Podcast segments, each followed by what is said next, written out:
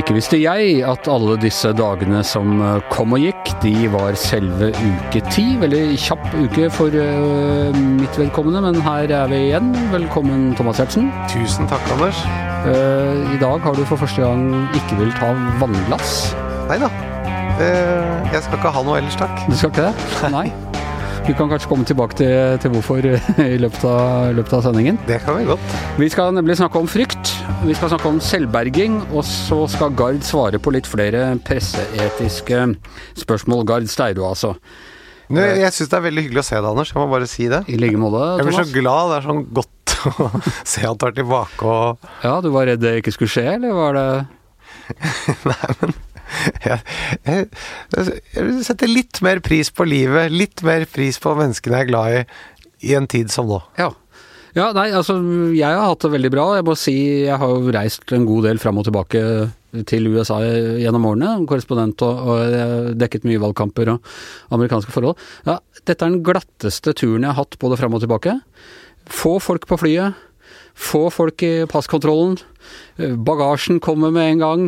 Ikke så veldig mye trafikk inn og ut til flyplassene. Jeg ble oppgradert på rekordlave 30 000 bonuspoeng. Det var en, en, veldig grei og smertefri prosess, det hele. Ja, du ser positivt på denne koronatiden? Jeg syns at glasset har sine halvfulle sider, i hvert fall. Ja. Nei, det var, det var, eh, noe av det som var så deilig i Norge i årene 1940 til 1945, at det var f.eks. veldig lite gatekriminalitet. du drar nazikortet liksom 45 eh, sekunder inn i, inn i kjenninga. Det er ny rekord, altså. Det var ikke noe nazikort. Jeg bare, jeg bare påpekte at det går an å se noe positivt i mørke situasjoner. Ja, og det, det må man si da. Og det var jo ikke, det er ikke sånn at det ligger døde folk strødd langs øh, langs veiene heller, så jeg føler ikke helt liksom at jeg har traska, traska rundt i et utbombet Berlin og vært glad for at det er lite trafikk, liksom. Nei da, nei da. Nei, men det, absolutt, jeg skjønner det. det. Men er du, er du, vi snakket jo om dette forrige gang òg, er du ordentlig redd, Thomas? Det, det, det syns jeg er veldig interessant at du spør om, fordi når vi snakker om dette, disse, dette viruset, så er det noe som kommer opp veldig tidlig i nesten alle samtaler. Enten direkte eller indirekte, så må folk markere. Og veldig mange har behov for å markere 'jeg er ikke redd'. Jeg, jeg, jeg, er ikke redd, altså. Jeg er Og så tenker jeg, hvorfor er det så viktig? Vi er veldig opptatt av å fremstå som at vi har kontroll, at vi vet hva vi driver med, at vi har peiling. Altså, det, det å være redd er noe sånn veldig sånn skammelig, ynkelig, litt uverdig. Ja, men Du kan jo også se på det som at eh, det er jo en ganske viktig ting uh, å ikke få panikk. ikke sant? At, uh, at uh, å ikke la frykten bli rådgivende i krisesituasjoner, for da tenker du ikke klart, og da handler du ikke rasjonelt og, og så videre sånn. Nei, det, det er riktig, men, men, det å ikke være redd er ikke målet i seg selv. Det er et middel, det å bevare roen. Men litt frykt kan kanskje også stimulere til at man tenker smart og tar situasjonen på alvor. Ja, og, og, og, du kan selvfølgelig mene at det der med å liksom flashe sin eh, fryktløshet av og til kan grense inn på, på det dumdristige. Det at vi driver sånne sosiale spill, ikke sant. Vi mennesker er sosiale. Vi er veldig opptatt av å vise at vi er ikke redde, vi har kontroll. Vi, vi bløffer hverandre litt også. Og da utvikler jo alle seg også til å bli gode til å avsløre bløffen, og da må vi igjen skape nye metoder. Så det f.eks. å overbevise seg selv også om at du ikke er redd. Det høres litt rart ut, men det er jo det vi ofte gjør, da. På samme måte som en selger må tro på det vedkommende skal selge. Og, og, på samme måte må vi også Som barn, ikke sant. Du ser på barn, de er sånn 'Jeg er ikke redd, jeg er ikke redd, jeg er ikke redd'. Og ganske tidlig så lærer vi oss å overbevise oss selv om det, selv om vi kanskje har litt frykt under der, da. Og, altså, noen ganger tror jeg det er helt uh, bevisst. Så, så Borgerrettighetsbevegelsen i USA, uh, når de marsjerte gjennom de verste på 60-tallet, verste liksom, rasistområdene hvor voldelige rasister liksom sto og bevæpnet så på dem og sånn, så synger de denne We Shall Overcome. Og det er siste verset We Are Not Afraid. Det går og synger. Og jeg tror ikke det var noe særlig tvil om at de var redde når de gjorde det, men du, du sier det for å liksom Vi er ikke redde, dette skal vi klare. Det er en overlevelsesteknikk også. Nemlig. Men har, har ikke du heller kjent på noen av disse At det er et sånn frø av litt grann frykt inni deg når du har vært ute og reist, f.eks.? Ja, øh, jo, altså jeg, jeg, har jo selvfølgelig det, og mange situasjoner i livet også hvor du tenker at nå må jeg ikke være redd, og, og så kjenner, kjenner, du panikken. Men jeg hadde nå, da var, jeg var i New York nå, så sitter jeg på T-banen øh, en dag. Og du vet T-banene i New York, der er det folksomt og mye folk, og jeg sitter øh, rett overfor en dame som begynner å få en hostekule og så ser jeg alle, alle, rundt henne, alle rundt meg. Det er ingen som spretter opp og løper vekk eller skyver seg unna, men de liksom sånn bare sakte liksom bare glir vekk fra henne. Og til slutt så sitter bare hun og jeg rett overfor hverandre, og hun er flau, hun skjønner hva som skjer, er flau over hoste, prøver å få kontroll over den, får det ikke, og hoster forskriftsmessig inn i, i albuen og, og, sånn. Men så begynner jeg å kjenne sånn Skal jeg reise meg? Er hun forskriftsmessig langt nok unna? Er, er, dette Altså, i hvert fall, jeg, jeg kjenner liksom at det kiler den, den frykten der. Men, og det er jo det som er fint med å ha sånne ting som f.eks. demokrati og marked. De kan avsløre om vi egentlig står for det vi sier. Nettopp hva vi handler, hva vi gjør, eller hva vi stemmer på, det viser ofte hva vi egentlig mener, mens det vi sier, er noe annet. Jeg syns jo også det å gå rundt og promotere at man er veldig tøff, også er sånn flaut. Hvordan da, mener du? Nei, jeg bare tenker at det å Ja, jeg er enig at å gå med masse sykkelhjelmer og refleksvester og munnbind og alt sånt, det ser jo ynkelig ut, og det er flaut, og det er litt komisk. Men jeg syns også at det å være sånn veldig sånn tøffe seg og vise at jeg er ikke noe redd, det er litt flaut. Pluss at det også fører til at man skal Nettopp fordi man skal overbevise seg selv og omverdenen, så skal man gå rundt og gjøre handlinger som demonstrerer Man skal leve den tøffheten, da. Og da kommer man jo også opp i situasjoner nå hvor, skal, hvor vi ikke tar de rette valgene, rett og slett. Fordi vi skal overbevise oss selv og omverdenen om at eh, dette er ikke noe farlig. Dette her det fremstår jo også litt irrasjonelt. Altså Hvis du sitter på flyet, f.eks. Og så eh, kommer kabinpersonalet bort til deg, og så sier de eh, 'Unnskyld, kan du være snill å ta den håndvesken din og legge den opp i eh, hattehyllen?' Du skjønner du sitter ved nødutgangen. Så jeg er ikke redd, altså. Da aksepterer man jo at man må legge den veska opp der uten å mukke, og så gjør man ikke noe eh, rart med det. Men det er jo for at det flyet skal dette ned, er ikke noe sjanse for. Men du jo, må jo ikke markere at du er tøff hele tiden. Nei, men det, det, er jo altså øh, Jeg husker i begynnelsen etter, etter 11. Øh, september, så kom det jo en rekke nye Eh, sikkerhetsforanstaltninger eh, eh, på flyplassen og sånn. Og det tok litt tid å venne seg til. Og i, i begynnelsen var det en del sånn, litt sånn protester og nå er det blitt altfor nøye og sånne ting. Men så har du på en måte akseptert at for å fly trygt, så må du gå med på det. Og du skannes på en helt annen måte, og du beføles, og du må legge alle småpenger og alt i Så det er jo en tilvenning når sikkerhetsforanstaltningene går inn til å bli en rutine, og ikke er sånn fryktbaserte og nå må jeg putte opp uh, veska mi i, uh, uh, over hodet, ellers så kommer vi til å styrte. Du tenker, jo, du tenker, jo, ikke sånn, du bare gjør det som en rutine fordi det er innarbeidet. Ja, fordi er en, da er det tatt noen strukturelle grep. Og jeg tenker at ok, for veldig mange av oss som er friske og raske og i heldig alder, så er jo sannsynligvis dette ikke så veldig farlig. Og sånn på et personlig plan, ok, det går sikkert fint. Så dette er jo de svakeste det rammer. Og jeg tenker at hvis man er opptatt av det, så skal vi bry oss om denne situasjonen. Da skal vi ta den på veldig stort alvor. Ja, hvem er de svakeste i denne forbindelse? Ja, Det er jo de som er eldre eller som har underliggende sykdommer. Så langt så er det jo de som ser ut til å bli hardt rammet, og det kommer til å bli en enorm belastning for helsevesenet. Og vi må alle ta det ansvaret, tenker jeg, for å ta vare på dem. Og en som har manet til eh, ansvar nå, eh, det er eh, helseminister Bent Høie.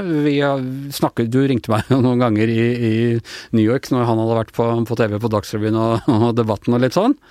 Og det er særlig her et klipp vi skal høre hvor han blir spurt om eh, hvorfor man ikke har vært forberedt på at at uh, man ikke har nok smittevernutstyr til å møte en sånn situasjon som dette? Jo, Det er tenkt på tidligere, men det er nå vi er i en situasjon eh, internasjonalt der en ikke får tilgang på denne type utstyr. og Da må vi eh, se på om vi kan få virksomheter i Norge til å produsere det som vi trenger, eller som har eh, lager utover det som vi har tilgang på. Altså, hva er dette for et svar? Det er at uh, han uh... Har dere ikke tenkt på at tyskerne kunne angripe oss? Det er klart vi har tenkt på det, men det er først nå at vi er i en situasjon der tyskerne angriper oss, og det er da vi må se på om vi kan få produsert noe våpen for å møte denne situasjonen. Nei, nå kommer vi tilbake til krigen igjen, men det er jo det er ikke helt Hitlers eh, krigsmaskin vi, vi står overfor her, da. Altså, Vi er veldig godt forberedt, og planen hele tida har vært at vi ikke skal være forberedt når det kommer. Vi skal stå nakne og møte dette. Hør en gang til hva han svarer! Jo, Det er tenkt på tidligere, men det er nå vi er i en situasjon eh, internasjonalt der en ikke får tilgang på denne type utstyr. og Da må vi eh, se på om vi kan få virksomheter i Norge til å produsere det som vi trenger, eller som har eh, lager utover det som vi har tilgang på. Så du på Debatten? Uh, nei, men du ringte og gjenfortalte det meste som hadde skjedd her, så jeg føler at jeg har sett den nesten. Ja, Med alle stemmene til de forskjellige. Alle de som er kompetente der, de skjønner både hvor vi er, og potensielt hva som kommer til å skje. Og jeg, jeg vil at dette skal være sånn at myndighetene, de som styrer landet, de skal nå ta dette på fullt alvor. Og så skal vi andre, vi skal gå rundt og kunne tøffe oss og late som at herregud, det var bare panikk og sånn, og så skal de vite på bakrommet Jeg gidder ikke å lene setet helt uh, fram igjen før vi lander og sånne ting, for myndighetene tar seg og lander dette flyet. Ja, de skal vite at de har kontroll, og de skal vite at ja, dere kan gå rundt og tøffe dere, dere kan gå rundt og si det var panikk. Det er fordi vi gjorde jobben vår. Jeg liker ikke at befolkningen sover dårlig fordi Bent Høie sover for godt. Nei. Det var som Dick Cheney sa, I will not apologize for keeping you safe. Dette har du visst om ganske lenge nå. Så jeg tenker at det å forberede seg, hvis du ser at en katastrofe er på vei, forberede seg og ta grep før problemet kommer.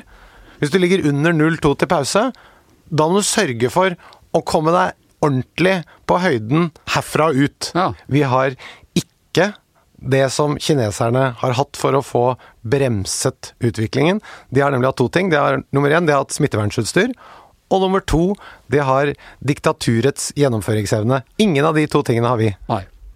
Det er eh, Og det aller mest paradoksale her, på en måte, er jo at eller ironisk, eller hva jeg skal si, det er jo at smittevernutstyret og medisinen og sånn produseres i Kina. Nettopp! Kina er jo verdens fabrikk. Ikke sant? Sånn at dette reiser jo spørsmål i et mer sånn langsiktig perspektiv. Den globaliseringen som har vært. Hvis vi har store deler av produksjonen vår i Kina, og så har vi butikken på nettet, og så har vi lager i Sverige, Sverige. eller Storbritannia, og så har vi transport med posten. Ikke sant? Dette er så sammenvevd, og infrastrukturen er helt avgjørende. Og så kommer sånn som dette her, og så ser vi hvor sårbare vi er. Er ikke det å ha noe mer grad av selvberging et poeng?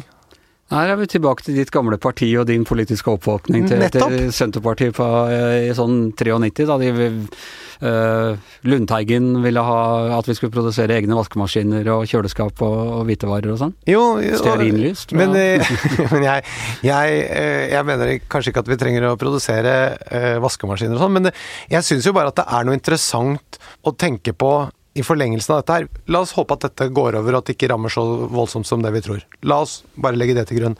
Men kan vi være enige om at det teoretisk er en sjanse for at en sånn epidemi eller pandemi kan ramme oss enormt hardt? Og spørsmålet er, skal vi da prøve å tenke litt annerledes på infrastrukturen vår, og litt annerledes på eh, at vi er selvberget? Vi kan selvfølgelig klemme ut litt ekstra marginer på å dele opp, sånn som vi snakket om i sted, og dele opp logistikken og, og lager og produksjon osv. Det er sikkert litt mer profitabelt, men det er bare at jeg kjøper forsikring på bilen min. Det koster litt ekstra penger, men det er det verdt. Mens på infrastrukturen vår, på helt basic, så har vi ingen forsikring. Det tenker jeg bør diskuteres litt i etterkant av dette, da. Og det er jo interessant fordi dette er på en måte det siste i en lang rekke sånne Altså du hadde, hvis vi da tilbake til 93-94 og sånne ting, så var det en, en veldig sånn globalistisk uh, positiv holdning, ikke sant. Og muren falt og uh, grensene falt og det skulle ikke være passkontroll i Europa osv. Og, så og så får du terror og du får flyktningproblemer og sånne ting, og så kommer nå Eh, pandemien på toppen av det hele som sånn litt siste spikeren i, i, kista på den mest sånn naive globalistbølgen, i hvert fall. Disse tingene ved globalismen er ikke noe problem når det er godt vær. Det er bare at det er totalt uten forsikring. Og det syns jeg er rart at vi ikke har eh, sikret oss mer på det. Men Anders, er ikke det, du har jo gått på Forsvarets høgskole. Har ikke det vært nevnt der? Jo, jo. Altså, og det er eh, når, når Eh, jeg var på Direktoratet for, for sivilt beredskap. De hadde jo de hadde da akkurat eh, i fjor så lagde de sånn analyser av krisescenarioer for 2019. Og da er det liksom alt, ikke sant. Jordskjelv og flom og alt, solstorm, alt mulig som kan ramme oss av ikke sånn ikke-fremmede aktørtrusler. Og da står pandemi og medisinmangel aller øverst. Og også Eh, det står øverst liksom en av de største truslene, men også det mest sannsynlige av det som kommer til å skje. Man har liksom på en måte visst at det vil komme en pandemi, man har bare ikke visst når. Vi skal sette norgesrekord i å være uforberedt. Vi skal slå regjeringen Nygaardsvold. Men Thomas, hvis du tar det til et eh, Jeg skjønner at er, det er eh, nesten blasfemisk å ta det nå. Men hvis du tar det et virkelig sånn overordnet perspektiv Eh, vi, det, vi, lever på en klode som sliter med overbefolkning og i det hele tatt. Og det er jo pandemier og sånn som har regulert befolkningsveksten tidligere. Ja da, og det blir mindre CO2-utslipp også nå, så det er uh... Ikke sant? Ja da. Glasset er halvfullt, og nå begynner det å demre for meg hvorfor du ikke ville ha, hvorfor du ikke ville ha vann i dag. Det er helt riktig, jeg drikker ikke av det halvfulle glasset. ikke av det halvfulle glasset som jeg kommer rett fra flyet og serverer deg. Ja, da skal vi skifte tema. Vi eh, leste jo opp noen spørsmål forrige gang fra Håkon Låstad, eh, som stilte spørsmål om, eh, om pressepolitikk. Da har vi fått deg tilbake, Gard Steiro. Velkommen. Alltid hyggelig å komme hit, Anders. Låstad spurte også om hvorvidt mediene i større grad lar seg styre av nå andre marginale medier, og han trekker fram som eksempel hvordan Resett uh, kjørte en, denne historien om Trine Skei Grande, som skulle hatt et uh, forhold på en fest til en ung gutt, og hvordan først Resett kjørte dette helt aleine, men, men, resten av pressen kom diltende etter. Og Er det sånn at vi nå gjør journalistikk på saker vi ellers ikke ville ha brydd oss om, fordi mer marginale medier tar dem opp? Tror, det er naivt å si at vi ikke blir påvirket, eh, men jeg tror det er både òg. Altså hvis du tar eh, Trine Skei Grande-historien, så eh, var det jo ingen medier som skrev om den saken før, selv om Resett og sikkert andre skrev om det lenge før andre medier tok tak i det, før Trine Skei Grande sjøl gikk ut og kommenterte det.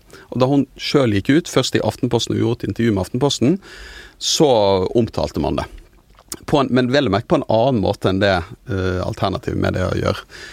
Så jeg tror at du blir jo påvirket av eh, det som skjer i sosiale medier og det som skjer i alternative medier, men, uh, men jeg tror òg at det har ført en bevisstgjøring i en del medier om nettopp å verne om etikken og sette, ha noen tydelige grenser.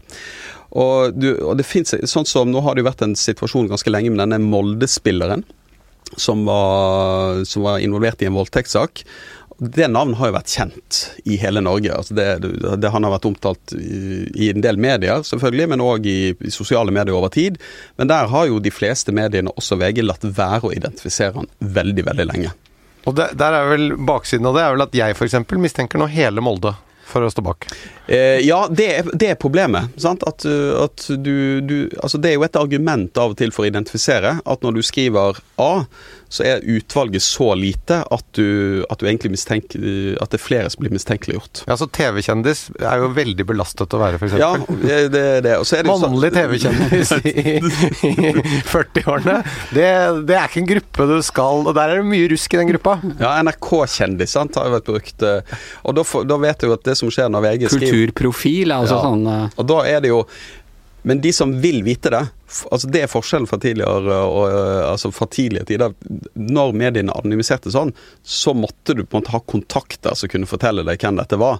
I dag så kan du gå inn på ulike nettforum og finne det navnet ganske kjapt. Eller spekulasjoner om det, i hvert fall. Ja, men jeg ser jo ofte Det ser jeg jo til når vi har gjort en sånn Når vi anonymiserte noen, så er jeg litt opptatt av klarer folk å finne ut hvem det er. Og da er jeg av og til inne i en del sånne forum og ser hvordan diskusjonen går. Og noen ganger bomber det, men veldig ofte treffer de jo på hvem dette er. Ja da, og markedet har en tendens til å finne ut av ting. Du, men, men, men tilbake til den, uh, det spørsmålet om det presser dere til å gjøre ting. Den derre saken med han gynekologen. Jo, det er jo et eksempel på Det er en gynekolog som da er eh, Voldtektsdømt. Voldtektsdømt, som uh, er det dokument som har offentliggjort navnet, og så har dere ikke offentliggjort ja, og det, altså reglene for altså Det er ganske høy terskel for å identifisere. Altså Du identifiserer uh, ved veldig alvorlige forbrytelser, drap, terror og og, og gjentagende, altså gjentatte straffbare forhold. Jeg har jo gjort det ved voldtektssaker òg. Ja, vært, uh... Hvis de er veldig alvorlige, og, eller alle voldtekter er alvorlige, men hvis, ofte hvis det er gjentagende gjentagelser.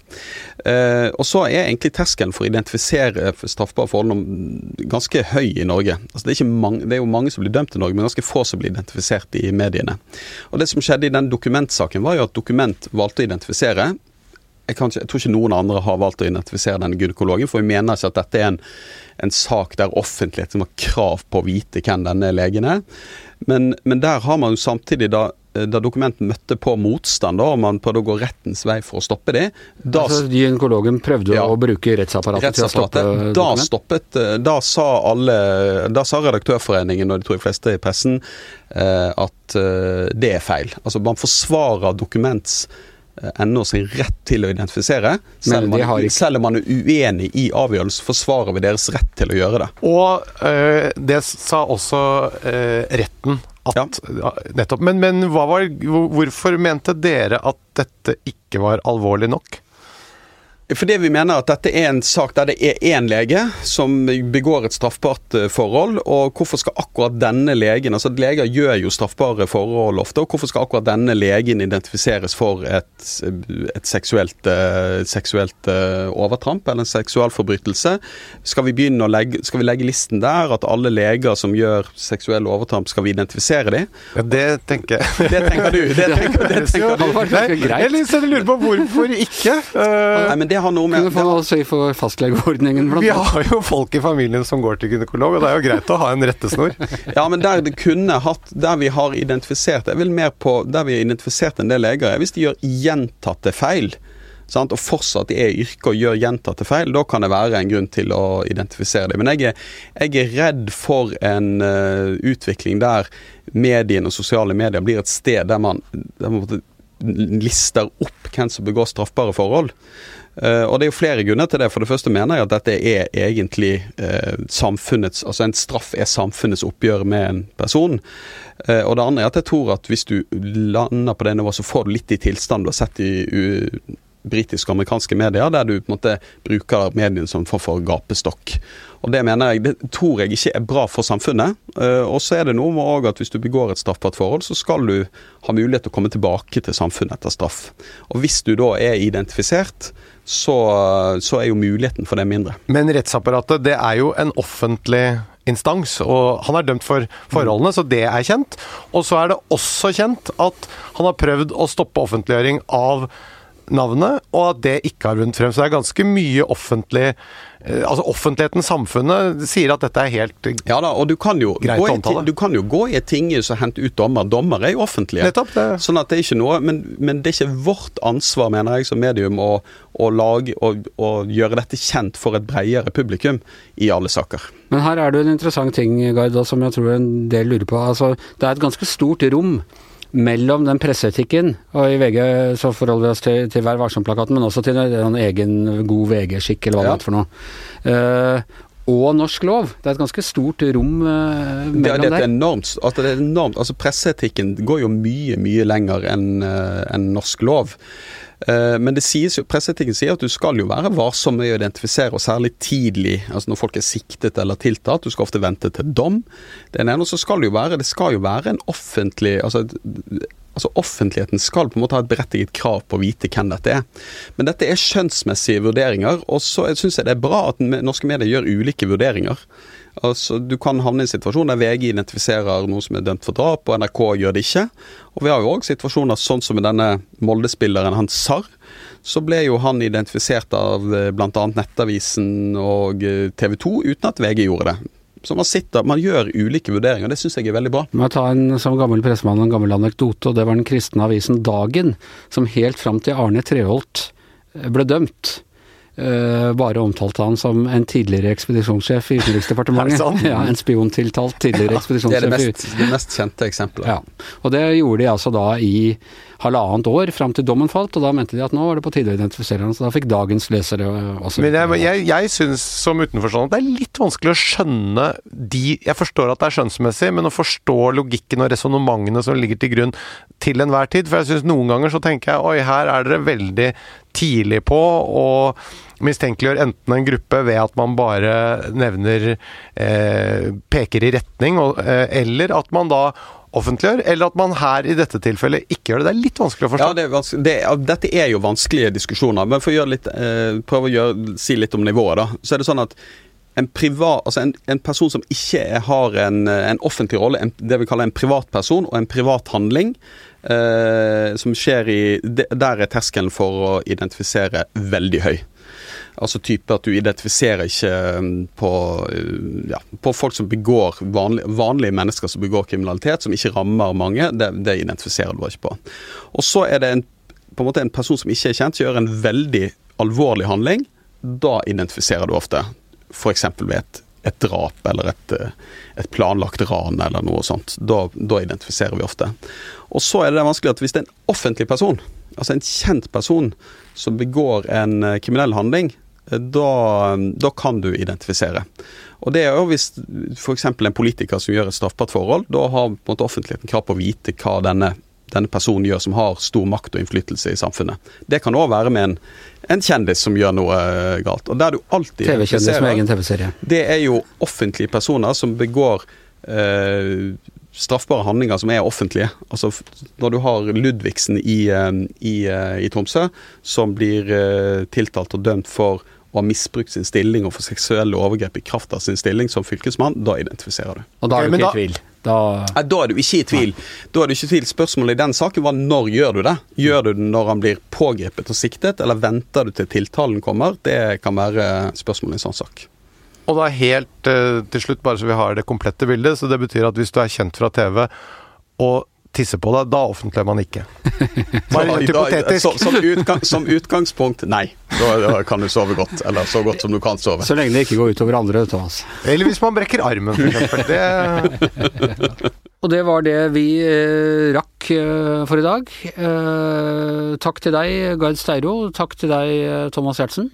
Du, vi møtes igjen neste uke til hvis ikke, eh, hvis ikke, pandemien har tatt oss innen da. Femdoblede smittetall. Ja, det blir interessant. Eller den kan uh, pike i mellomtiden og flata ut til neste fredag. Japan, grafen der. Japan har hatt det veldig lenge.